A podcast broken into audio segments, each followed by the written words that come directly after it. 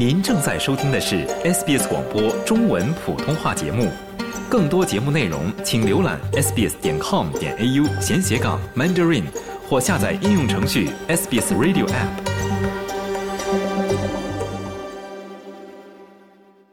俄罗斯监狱部门称，被监禁的俄罗斯反对派人士克里姆林宫直言不讳的批评者阿列克谢·纳尔瓦尼已经死亡。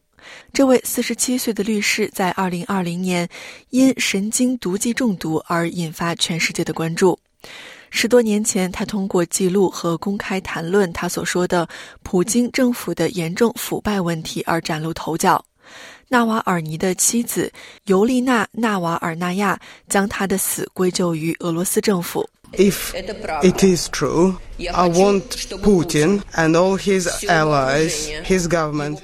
如果这是真的，我希望普京和他的所有盟友、他的政府都知道，他们将为他们对我们的祖国、我们的家庭和我的丈夫所做的一切负责。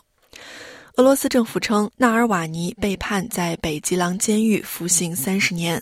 他在监狱里散步时突然倒地死亡。纳尔瓦尼的盟友日丹诺夫称，纳尔瓦尼的死是一起政治谋杀，但没有列举任何证据。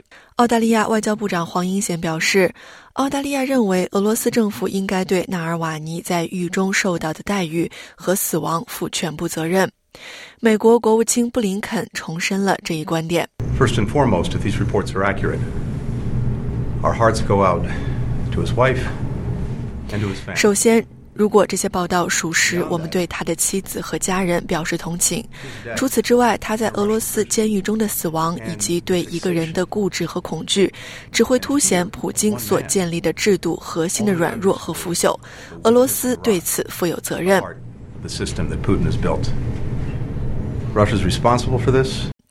纳瓦尔尼的办公室主任说，他们无法证实俄罗斯监狱部门所报告的纳尔瓦尼的死讯。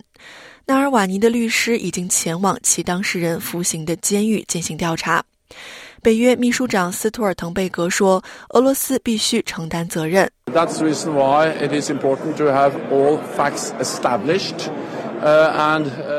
这就是为什么必须查明所有事实的原因，也是为什么俄罗斯必须回答一些非常严肃的问题的原因。我们看到的是，俄罗斯已经成为一个越来越专制的大国，他们多年来一直对反对派采取压迫手段。当然，纳尔瓦尼当时被关在监狱里，他是一名囚犯，因此俄罗斯现在必须回答所有将要提出的问题，这一点极其重要。欧洲领导人在震惊和悲痛之余，重申他们认为俄罗斯总统普京应对此事负责。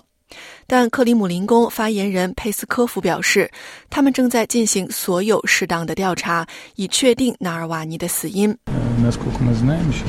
As far as we know, currently in accordance with all existing rules, everyone is engaged in. 据我们所知，根据所有现有规定，每个人都在进行所有的检查、澄清等工作。也就是说，没有必要提供任何特别的指示。现在大家都在遵循一定的规则。想听到更多这样的故事吗？您可以通过苹果播客、谷歌播客、Spotify。或者您喜爱的方式下载收听。